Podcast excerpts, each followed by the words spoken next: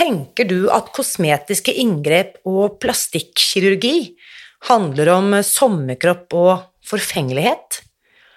Sånn er det ikke alltid. I dag forteller Ann-Katrin Grimstad om det de færreste tør å sette ord på.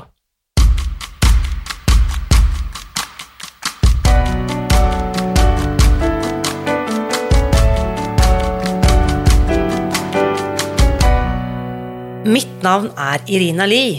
Jeg er journalist og forlegger, gründer og sosial entreprenør. I 2015 spiste jeg meg fri fra overvekt og fedme etter å ha slitt med vekt, kropp og følelser i nesten 30 år. Etter at jeg knakk koden, ga jeg meg selv et nytt oppdrag – å dele denne kunnskapen med alle som trenger det. I denne podkasten kan du derfor høre hele lydboken Spis deg fri, den finner du ved å bla deg tilbake i arkivet og lytte til første sesong. Hver uke inviterer jeg nå gjester som gir deg påfyll til hodet, hjertet og magen. For min visjon er å endre Helse-Norge, og det får jeg ikke til alene. Du bidrar ved å abonnere på podkasten, skrive en omtale i iTunes og tipse meg om hvem jeg burde invitere hit. Da setter vi i gang med ukens episode. Ifølge Store norske leksikon er tabu et slags forbud eller en forestilling om at en gjenstand, et begrep eller en person ikke må nevnes eller røres ved. Hvordan kroppen ser ut etter stor vektnedgang, er et sånt eh, tabu, noe de færreste snakker høyt om, og nesten ingen tør å vise frem. I dag skal du få møte Ann-Katrin, som gjør begge deler. Hun setter ord på skammen, og hun deler sine egne bilder. Og det er jeg så takknemlig for at hun tør å gjøre. Du må klikke deg inn i den åpne Facebook-gruppen Spis deg fri for å se bildene vi refererer til i denne episoden. Jeg vil likevel advare mot sterke scener i det du nå skal få høre. Her er ukens gjest. Kjære Ann-Katrin, velkommen til podkasten. Tusen takk. Du, eh, vi kjenner hverandre jo, og rett før vi, vi, vi, startet her, så sier jo du at du eh, er jo på jobb. Du jobber som lærer, så du må bare snakke med eh, skolen da, ikke sant, hvorvidt du rekker det til dette tidspunktet. Og så slo det meg, vi har kjent hverandre en god stund nå, men jeg ante jo ikke at du jobber som lærer. Så Ann-Katrin, fortell litt eh, om deg selv for de som ennå ikke har rukket å bli kjent med deg.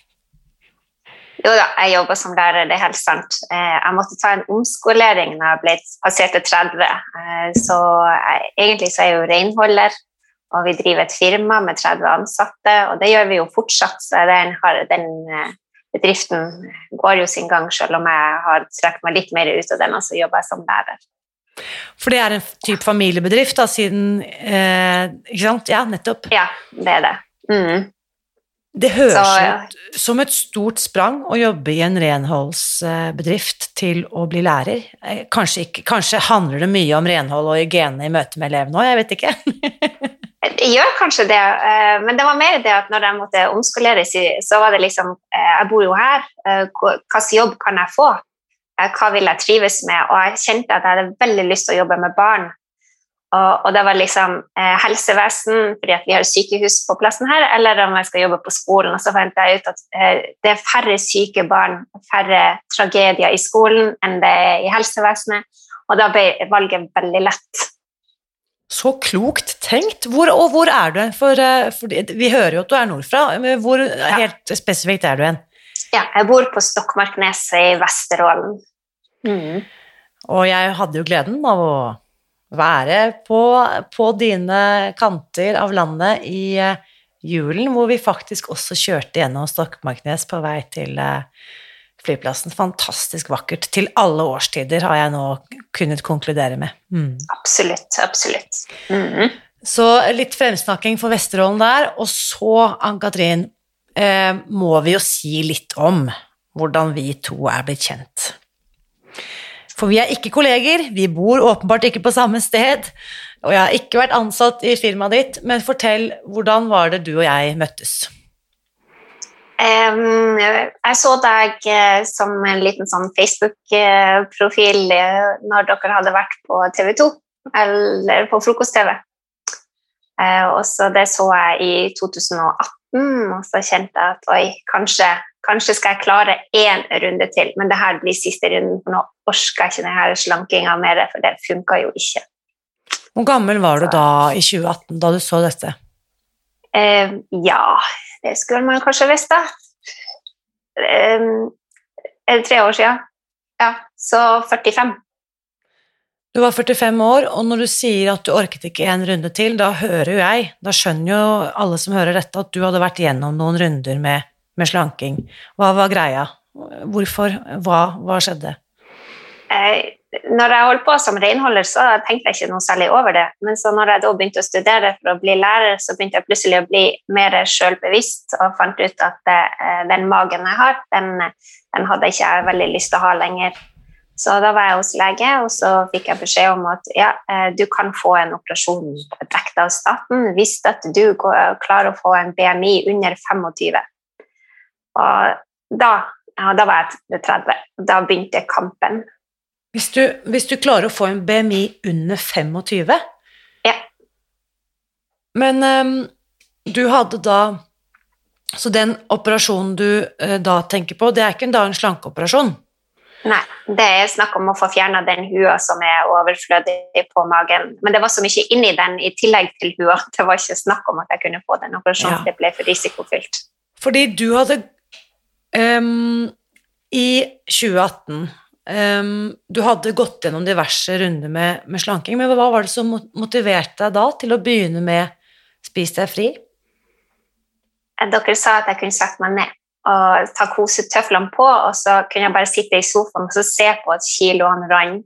Det var det eneste som fanga interessen min. Jeg var helt solgt på det.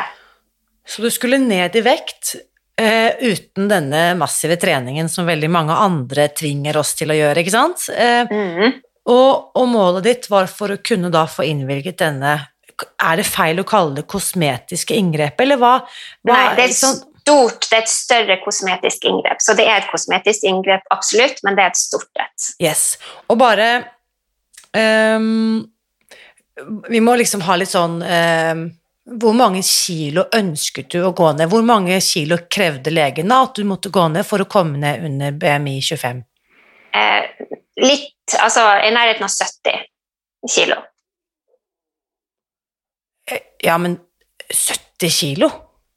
Ja. Men eh, så eh, Nå ble jeg, mistet jeg munn og mæle. Jeg hadde liksom fått Vi har jo snakket sammen mange ganger, men jeg har ikke fått med disse tallene før.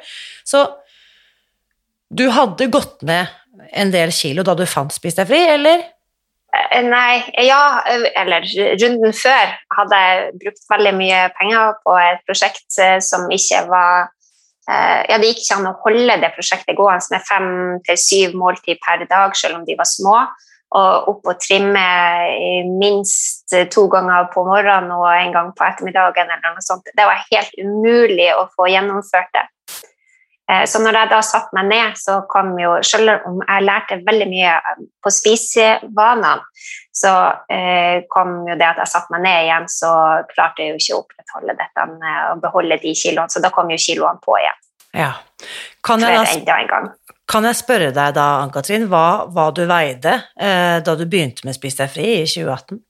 92. 92. Så du hadde gått ned en god del kilo? Eh, ja, til 82. Eh, ja, fra 96 til 82, og så kom jeg opp igjen til 92, og da tenkte jeg det her er jo helt håpløst. Nå er jeg jo straks tilbake der jeg kom ifra. Og da dukka dere opp som en reddende engel. Ja, så du skulle altså ned fra 92 eh, til 70 kilo for å komme inn under BMI på 25. Så vi snakker ja. 22, overkant av 20 kilo da, ikke sant? Ja. Så, så du begynner da på um, Spis deg fri 2018, og hva skjer da? Hvordan, eh, hvordan, og med kosetøflene på, setter deg ned i sofaen, trenger ikke å trimme to ganger om eh, morgenen og to ganger om kvelden. Hva skjer da med resultatene du får? Eh, jo, det gikk veldig bra utover fra 2019 eh, eh, januar. Eller jeg begynte egentlig, jeg satte data 1. februar i 2019 fordi at jeg kjøpte boka og begynte å høre litt på, på Irina Nei, ikke på det, på Susan Pierce sine vlogs og, og kjente at dette blir riktig for meg. Eh, og så gikk det bra utover våren i 2019, og så begynte jeg eh, å finne på egne løsninger utover sommeren, og så tar jeg meg i hopen på høsten, og så eh, blir det Ja, holder det bare en måned eller to til, og så er det på'n igjen, og så tenker jeg at det her er så slitsomt, jeg orker ikke det, og så i jula så hadde jeg bestemt meg da i 2019 eh, at eh, that's it. Nå er jeg faktisk nødt til å gå på kurs. For jeg valgte å gjøre dette helt på egen hånd. Uten, for det går an. Det skal gå an. Eh, men jeg fant ut at jeg klarer det ikke, så da meldte jeg meg på som to uker.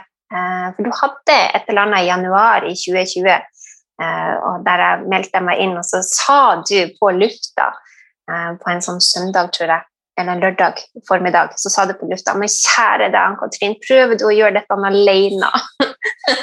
og da bare tårene trilla. Bare nei, nei, jeg skal ikke gjøre det her alene. Meldte meg på to uker, og så meldte jeg på kurs da eh, den skjebnesvanger våren 2020. for en vår, og for et år det har vært. Og da vil jeg bare liksom Det du forteller her Du hører om det. Jeg mener at den God morgen Norge Jeg var et par ganger på God morgen Norge i 2018 og har vært der både i 2017 og 2019 òg, men jeg tror den sendingen den uh, høsten, det var liksom i august eller noe sånt, 2018. Mm. Og la oss da si at da går det fortsatt et halvt år fra du har hørt om det første gang, til du faktisk leser boken, ikke sant. Og dette tror jeg er veldig, veldig vanlig at det er på en måte, Jeg hører en ting for første gang, og det er jo ikke dermed sagt at jeg skjønner alt med en gang, eller bare, og dette er for meg, men så er det et eller annet som skjer at du på en måte modnes på den tanken, og så leser du boken, og så forsøker du faktisk på egen hånd i et år, med gode resultater, før du Absolutt. Sånn som mm. du sa så vakkert, finne på egne løsninger. Det er jo også en klassisk, det har jeg også forsøkt, Ann-Katrin, så der vi, kan vi bare sette check på, på den, på begge to. Og så januar 2020, eller kanskje det var februar 2020, så blir du med på kurs. Hva er det du skjønner da, som du, siden det halvannet året siden du har hørt om Spis deg fri for første gang, hva er det du skjønner når du blir med på det kurset som du kanskje ikke har skjønt rent intellektuelt før det? Jeg trengte ikke være alene. Vi er veldig mange i samme båt, og det å ha noen å prate med som skjønner hva jeg sier, og som eh, prøver de samme tingene, og så eh, feiler på de samme tingene. Og så er det veldig greit å lære av andre sine feil. Jeg trenger ikke gjøre de samme feilene. Det liker jeg. Det er nok at vi gjør en av oss. Og det å ha det fellesskapet, en plass å, spørre om så de rareste spørsmålene. Fordi det å holde på med ounce og, og sånne ting, det, det, skjønner man etter ganske kort tid, eh, forskjellen på ounce og gram, og, og hvorfor det er bruk men så er det hva er det man kan putte i de ansene? Hvordan kan man sette fram, sammen et måltid som fungerer for meg? Som mm. jeg får kjøpt på Rema-butikken. Jeg må ikke på en eller annen spesialbutikk for å hente ut eh, ingredienser jeg aldri har hørt om. Mm. Så det går an å gjøre dette enkelt, selv i Stokmarknes eller selv i uh, en eller annen uh, øykommune eller Innlandet eller hvor som helst. Du trenger verken å ha spesialforretninger eller noen spesialprodukter i hus for å få til dette. Det tenker jeg er kjempefin påminnelse. Og så resultatene. Våren kommer, landet stenger ned. Var du i tvil da om du skulle holde på med dette greiene her, eller var du da fristet til å gå tilbake til det jeg tenker mange av oss har gjort, da? Ty til mat eller drikke eller godis for å håndtere for det var jo en ekstrem situasjon vi ble utsatt for, hele, kollektivt, hele landet, hele verden.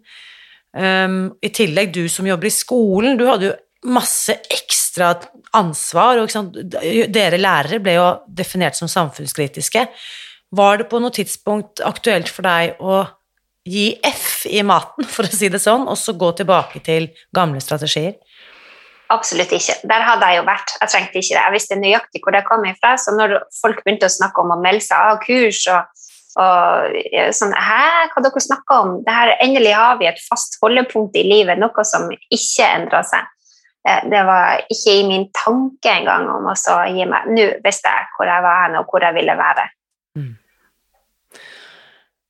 Kan jo bare si til de av dere som var påmeldt det samme kurset som Ann-Katrin eh, begynte på, det var veldig komisk, for du har jo hørt meg si dette 22 eh, ganger. Ikke sant? Du tar ingen risiko, for vi har 14 dagers åpent kjøp. Du får alle pengene tilbake hvis du skulle ombestemme deg, og jeg tror den kurspåmeldingen stengte 1. mars 2020. Og vi var godt i gang, og på en måte, ting skjedde jo i nyhetsbildet, men vi hadde jo fokus på de rette tingene. Den helgen, 13.-14. mars, jeg har aldri sett så mange avmeldinger i hele mitt liv, og vi har jo holdt på med disse kursene nå, dette er fjerde året. Så i fjor så hadde vi holdt på da i tre år, da. I mars i fjor.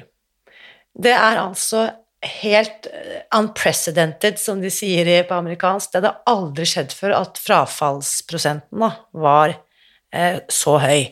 Og jeg skjønner det jo så inderlig godt, fordi idet vi blir rammet av eh, frykt, så tyr vi jo til det vi har gjort mange ganger før, liksom automatiserte vaner. Og, og da, når jeg også blir redd, så første jeg blir redd for, er liksom hvordan vil det påvirke økonomien min eller helsen min eller hva som helst. Så da er det veldig naturlig at man da også kansellerer det som kanselleres kan. Men de av dere som sto i det og holdt ut Det ble jo en veldig spesiell eh, kursrunde, den uh, våren 2020-kurset. Ja, men de to bedriftene, eller det å jobbe på skolen og være lærer og det å holde på med renhold, ingen av de uh, gikk nedenom og hjem på noe som helst slags vis, så jeg trengte ikke bekymre meg for økonomien. Ikke sant. Godt poeng. Og ja, ja. Så, og jeg ser at veldig mange har jo eh, på ingen måte det er, det er, ikke så mye snakk om det lenger, men jeg er jo veldig klar over at det er faktisk en stor andel av befolkningen som fortsatt er rammet hardt av pandemien, økonomisk også. Så jeg er jo glad for at jeg har kunnet hjelpe mange av de som har tatt kontakt, med å kunne være med på kurs, selv om de kanskje mm. fortsatt er permittert eller sliter med senvirkningene av Eh, pandemien. Da. Men i hvert fall, eh, resultatene dine, Ann-Katrin, da er du i gang. Du har kommet til mars 2020, verden stenger ned, du fortsetter. hvordan, eh, hvordan, merker du dette på kropp og badevekt og sinn og sjel? Jo, det er jo bare helt fantastisk. De siste kiloene som jeg sleit med utover høsten 2019, de forsvant jo rimelig fort når jeg bare fikk alt i rett system. Så eh, da i midten av mars i 2020 så hadde jo jeg nådd under 25 og kunne da gå til legen og si jeg klarte det. Og så sa han ja, men det, du skal holde den av i minimum seks måneder, så skal vi diskutere det. Eh, og så eh, holdt jeg den av, og de bare søkte meg egentlig eh, søkte meg med en gang. For han så at jeg hadde så bra resultater over ok tidsperiode og at jeg spiste sunt og riktig, og alle andre blodprøver var jo helt fine. Så da um, fikk jeg da operasjon i august i 2020. Vi hadde jo noen samtaler, jeg husker det veldig, veldig godt. Eh, jeg har jo jeg, må, jeg, kjenner at det er så stort og alvorlig tema, så jeg må konste litt på hvilke ord jeg bruker. Jeg har jo veiledet mange mennesker som har gjennomgått slankeoperasjon, altså fedme behandling. Hva heter det? Gastric bypass. Fedmekirurgi er vel det korrekte ordet. Og så, som jeg også sa til deg, Ann-Katrin, jeg har jo aldri veiledet noen som skal gå, gjennomgå det du skulle gjennom, ikke sant. Eh, altså kosmetisk kirurgi. Um, og så må vi bare um, si litt om Dette var ikke liksom litt ekstra eh, Litt ekstra å ta i på sidene av sideflesket, liksom. Det er ikke der vi er. Vil du beskrive litt problemstillingen du slet med? Hvordan, hvordan var kroppen din for et år siden? Hva snakker vi om? Jeg tenkte litt sånn, Bare det å ha gått ned 33 kilo, eh, som jeg klarte da totalt Jeg er jo langt under 70, nå er jeg 65. Så eh, det å gå ned alle de kiloene og enda ikke kunne se tærne sine, det er et sorgens kapittel. For det mageskinnet det hang som en svær pølse. Den kom jo før meg inn i rommet, følte jeg. Andre så det kanskje ikke, men jeg følte på den absolutt hele tida. Det var Ja. Det er fælt å ha det sånn, og kjenne på den, at den kommer før meg inn i rommet. Jeg har hørt noen beskrive det som et fettforkle. Det heter det. det okay. i, I helsevesenet heter det fettforkle. Også på mannfolk eller sånn, så hvis de har litt i på siden ved vettrenet med fingrene, så heter det love handles. Mens på oss så heter det fettforkle. det syns jeg er litt uh, urettferdig. Så jeg trodde det var bare noe som denne personen som snakket om det, var noe hun kalte det, bare sånn liksom, litt sånn ironisk og nedsettende, men det er faktisk det som er den korrekte termen. Mm. Ok. Ja, nei, men det er mye å si om helsevesenet. Altså eh, Utrolig. Fettforkle, det var på en måte diagnosen du hadde. Mm. Um, og så må vi også si litt grann om, Ann-Katrin, hvorfor du tok kontakt med meg for noen uker siden. Um, hva som på en måte tente den gnisten der du tenkte at dette må vi snakke om. Fortell litt om det. Eh, ja, du hadde intervjuet meg eh, for noen søndager siden, og det var da jeg skrev rett etter det til, deg, eh, der hun sa noe når hun endelig når målvekta si, så har hun lyst til, og så stopper hun opp og så sier hun, men vi skal kanskje ikke prate om det. Og så fortsetter hun setninga med at, at da hadde hun lyst til å få fjerna overflødig hud. Og da tenkte jeg oi, oi, oi, jeg tror vi er veldig mange som har det sånn. Fordi at vi går ned i vekt, vi endrer oss, og kanskje føler vi at den overflødige hua hun er til hinder for det vi ønsker å gjøre. Og, og da må vi ha lov til å prate om det, og da hadde jeg, følte jeg veldig lyst til at det må vi sette på dagsordenen, fordi at vi er veldig mange nå over noen de siste årene som har vært innom Spistefri, og da må vi kunne prate om akkurat den delen. At det er et naturlig valg å komme til for mange. Og jeg er så glad for at du Jeg må si tør det, Ann-Katrin. For én ting, vi har jo mange lag med tabuer. Og vi er jo borti mange av dem i denne podkasten. Én ting er å være overvektig, allerede der kan vi jo krysse av, liksom. Å ja, du er tjukk, da er du sikkert dum og lat også, ikke sant. Det er tabu nummer én. Og så har du tabu nummer to, at selv om du har gått ned i vekt, så er du fortsatt stor av ulike grunner, fysisk. Det kan være? Jeg husker en fortalte meg om følelsen av å være fanget med lipødem, som veldig mange også ikke kjenner til, som man tenker er selvforskyldt fedme, men faktisk er en veldig alvorlig sykdom. Du snakker om det du snakker om her, ikke sant? Overflødig hud, og da snakker vi ikke bare litt love handles, men sånn som gir deg fysiske og psykiske plager. Og så kan vi snakke om alt tabu knyttet til kosmetiske korrigeringer, da at du da blir en som er opptatt av sommerkroppen, og det skal du putte silikon i puppene mens du først er i gang. Alt det du liksom da skal eh, ufrivillig måtte bli en talsperson for. Hva, hvilke, hvilke, hvilke, refleksjoner har du selv gjort deg rundt liksom, tabuene rundt dette, Ann-Katrin? En av tingene var at når jeg begynte å prate om dette, er jeg veldig for åpenhet. Og så var det noen som nevnte til meg ja, men du må jo ta en sånn 360. Har du hørt om det? Det er jo snakk om å skjære rundt liksom hele, og så løfter du opp rumpa, du ordner lårene, så du tar liksom alt på en gang, fordi at når du likevel er på operasjonsbordet, kan du gjøre det. Og så måtte jeg Hæ? Det hadde jeg ikke hørt om, så begynte jeg å lese på det. Dette var jo selvfølgelig før operasjonen min, og så tenkte jeg du hva, det her er ingenting, jeg ser ikke baken min, jeg bryr meg ikke om det. Det eneste jeg ser, er magen min, og det er den jeg har tenkt å fjerne. Og da kunne jeg ta et uh, valg på det og si at nei, alle de andre tingene klarer jeg fint å leve med. Jeg bryr meg ikke. Men akkurat det at magen min var som han var, det brydde meg uh, sånn. Ja, og nå har jeg jo fiksa på det. Og jeg er så fornøyd med magen. Og, og jeg har fortsatt til, til, gode å tenke at det er andre deler av kroppen som burde vært gjort. Jeg kan sitte og løfte på et øyelokk. Skulle jeg ha Nei! Det skal jeg ikke. Jeg har gjort det jeg trengte for å få et, en, min versjon av et godt liv. Ann-Katrin, det inngrepet eh, Og da kan jeg også da fortelle, ikke sant Fordi når vi avtaler tidspunkt for denne podkasten, så sender du meg også ikke ett, men flere bilder. Både før-før-bilder og underveisbilder og etterbilder, ikke sant? Og så eh, har vi en samtale der du også sier at jeg kan dele disse bildene. Eh, og jeg er jo godt skolert i eh, klassisk journalistikk, der vi også lærer å tenke mer på personen vi faktisk intervjuer. Vi skal vite at den personen veldig ofte ikke er en profesjonell et intervjuobjekt, men kanskje av og til, sånn som jeg også sa til deg, gå en runde ekstra på det. Er du sikker på at du vil dele disse bildene?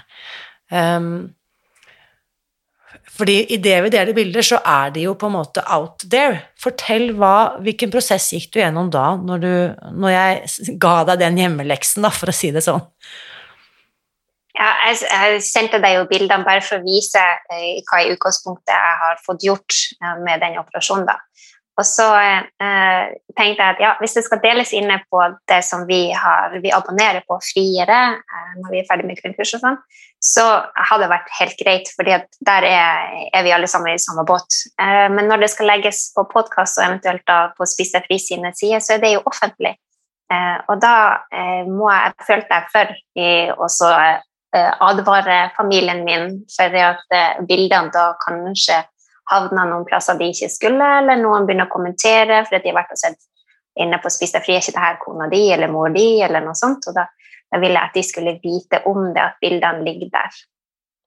Hvilke reaksjoner uh, fikk du? Uh, mannen min sa ja, det er jo dine bilder, uh, du bestemmer jo sjøl. men tenk nå litt på det her at ja, det er ikke noe gøy om å forsvare i etterkant at de er lagt ut sånn. Og det måtte jeg tenke en del på. Altså, alle ungene mine, eller alle tre barna, de er jo godt voksne alle sammen. Og mamma og pappa, alle sammen bare sa det er dine bilder, det er ditt liv, du vet hvor du kommer fra, du vet hvor du har vært henne, du vet uh, hva det, du står i nå. Så du gjør akkurat som det passer deg. De skulle stå i det, det var ikke noe problem.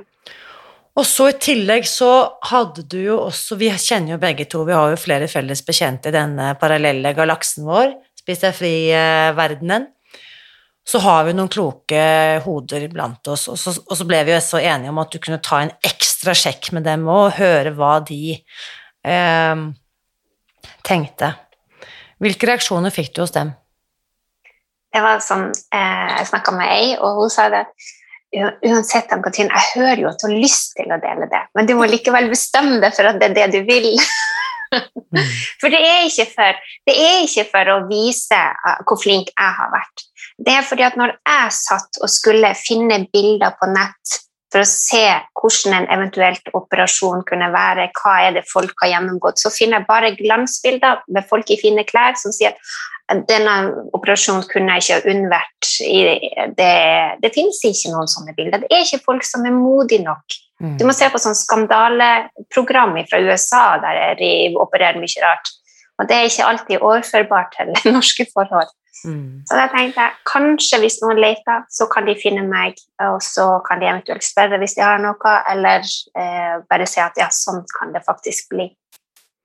Jeg er bare så dypt takknemlig på vegne av alle de kvinnene og eventuelt mennene med love handles eller fått fettforklær, som får muligheten til å ikke bare høre deg på denne podkasten, men de får også muligheten til å se bildene som vi da kommer til å dele denne åpne Facebook-gruppen vår. Eh, og det betyr jo at den egentlig er sånn som du sier, da, ikke sant? offentlig tilgjengelig. Så der eh, Og der er jo du også med, Ann-Katrin. Da kan jo faktisk, når vi legger ut denne podkastepisoden da, um, og legger ut det innlegget i Facebook-gruppen, så kan jo du også svare på de kommentarene som, og spørsmålene som folk måtte ha. Og dette er jo det jeg elsker med sosiale medier og nye, den nye virkeligheten, at vi kan bidra til denne kollektive kunnskapsdelingen som jeg snakker om hver uke. Så tusen, tusen takk. Eh, også selve operasjonen. Jeg, når, når, du fortalte, vi snakket litt om dette tidligere, så fikk jeg veldig flashback til den eneste eh, magekirurgien jeg har vært med på, eh, og det var jo et keisersnitt. Da min første datter ble født, så gjennomgikk jeg et keisersnitt. Og da skjærer man jo opp, ikke sant, fra side til side på buken, altså ganske langt ned på magen. Eh, jeg antar at det er noe tilsvarende de gjør her på denne operasjonen, at de tar et snitt ganske langt ned. Kan ikke du fortelle litt? Vi, vi kan ikke ta alle de blodigste detaljene, men fortell litt sånn med kirurgisk presisjon hvordan dette foregår. Eh, en av de tingene som jeg lurte mest på her i verden, det var liksom eh, Får jeg beholde navlen min? Godt spørsmål. Og det, og det får man. Nettopp. Det er helt fantastisk. ja. De løfter opp og drar opp det som er løst av skinn, og så lager de et snitt helt nederst. Og så drar de ned, eh, og så har de kutta rundt navlen. Så den dytter de på en måte litt inn, vil jeg tro, i magen. Og så eh, tar de og drar de ned skinnet så langt det går, og så snitter de av det.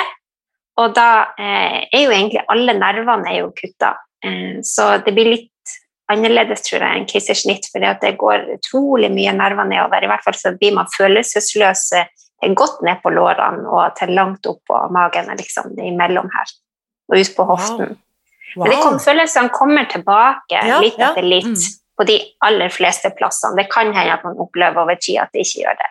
Og så når de har dratt ned magen, så lager de en eller annen plass på, midt på magen. Og det er så midt, jeg har prøvd med linjal, det er altså helt midt på magen. Lager de et lite snitt, så tar de ut navlen der, og så syr de da en liten kant rundt her, så man har også navlen sin eh, intakt. Den er akkurat like følelsesfull som det den var, for det er kilen i navlen, og det passer meg bra å få lov å beholde den. Wow! Dette har jeg aldri hørt. Så vilt. Så liksom sånn, sånn science fiction-aktig, men jeg skjønner det jo. Det er jo veldig logisk. Altså Ja. moderne vitenskap, altså. Så Ja, men det som er eklest, er egentlig de drenene som du må gå med ganske lenge. Det blir operert inn plastdren i, eh, i eh, på begge sider av såret. Og de slangene går egentlig på innsida av deg, og så kommer de ut i låret. Ja, nettopp. Det er, det er skikkelig ekkelt. Og så må Ja. du gå og bære på dette med poser som da det siver ut eh, ymse væske oppi. Da. Så Ja. man må passe på fargen og sånn. Altså det, vi kan vel egentlig beskrive eh, et nært stående familiemedlem har gjennomgått en stor operasjon hvor eh, vedkommende måtte ha en sånn drenpose, og da kan vi beskrive den væsken som litt sånn utvannet blod med litt sånn innslag av gult og hvitt, typ. Sånn Egentlig. Ja, uten Ja. å gå helt i detaljer, så er det omtrent det. Ja. Eh, kroppsvæsker som man veldig sjelden ser i den konsistensen, da, kan vi si. Så det kan jeg Ok, det var vel, dette er folkeopplysning, kjenner jeg. um, det jeg også husker, da, eh, og, og fortsatt kan liksom veldig assosiere til, er dette keisersnittopplevelsen, hvor du eh, har brutt alle disse nervecellene og de greiene som går eh, nord og sør på kroppen, holdt jeg på å si, ovenfra og ned. Det, Ja. det, er et, det er et snitt tvert over der. Jeg vil tippe da at i keisersnittet så går det jo gjennom helt inn ikke sant, til livmoren, men det gjør det jo ikke med denne operasjonen her. Er det en ganske overfladisk kutt, eller hvor langt inn i systemet føler du at de går? Er- Hvis det er syv lag hud, så går det jo helt inn for det. Ja, selvfølgelig. ja. Så Ja. alt av nerver i hud og alle disse syv lagene blir jo selvsagt kuttet over, og, og i Ja. ditt tilfelle da fjernet, ikke sant? Uh, og så er det et teit spørsmål, jeg må bare spørre likevel. Hvor mange kilo snakker vi om, vet du det, at de fjernet? Ja, det får du vite. Og det var nesten to kilo, 1,98 eller noe sånt, så nesten to kilo med bare hud som eh, de tar ut. Ja. Det er jo ingen fettceller, sant? de ligger jo igjen inni meg. Det her er bare snakk om hua som ligger. Mm. Når det da henger et fettforkle med to kilo på utsida der, så er det ikke rart man ikke ser tærne. Nei, det er helt utrolig, altså. Eh, eh, og da, eh, det som jeg, i det etterbildet du sendte, sant, så hadde du så ut som en mumie på et tidspunkt, der de har surret deg inn, åpenbart, i bagasje, ikke bagasje, men bandasje. fortell litt om, eh, hvor, hvor lenge varte operasjonen? Eh, jeg tror det er sånn ca. to timer, eller noe sånt. så den er Ja. ikke så veldig, De setter vel tre, eller noe sånt, så man bruker jo litt å sovne og litt å våkne opp igjen. Så Har du full narkose, eller er du lokalbedøvet? nei, du er full narkose. Det er, jeg tror de drar så mye i ting at eh, de vil ikke at vi skal være våken. Det er såpass stort inngrep.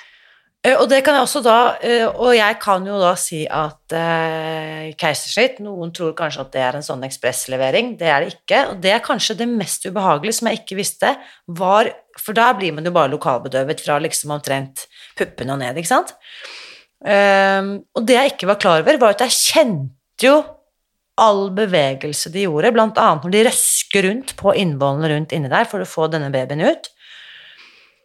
Og det var det på en måte ingen som mentalt hadde forberedt meg på, at eh, jeg skulle altså oppleve eh, inngrepet, selv om det var smertefritt som sådan, men det ubehaget men det slipper man jo da selvfølgelig når man er i full narkose. Da, da ble du liggende på sykehuset en stund da etterpå, eller hvordan var det?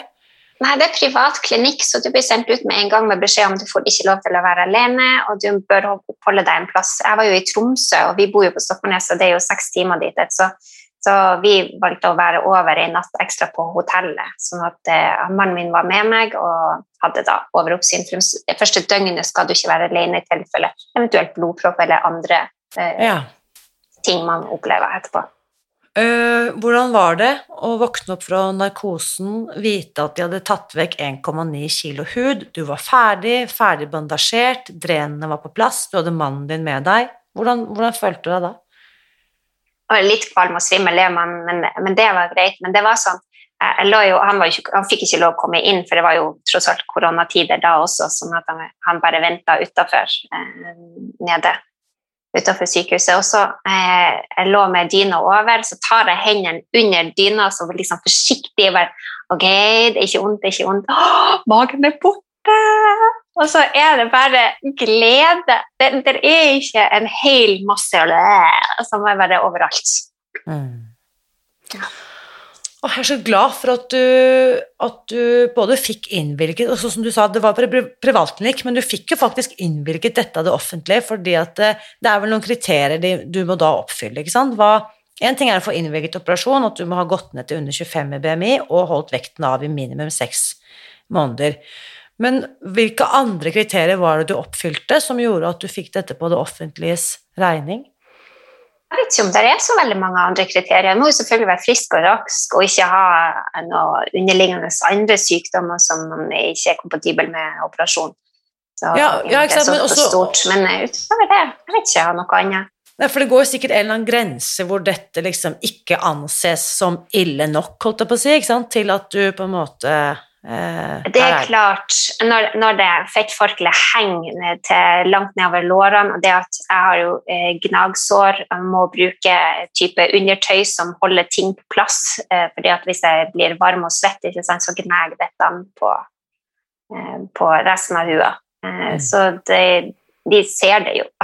det var jo ikke sånn at det var et usynlig eh, forkle. Mm.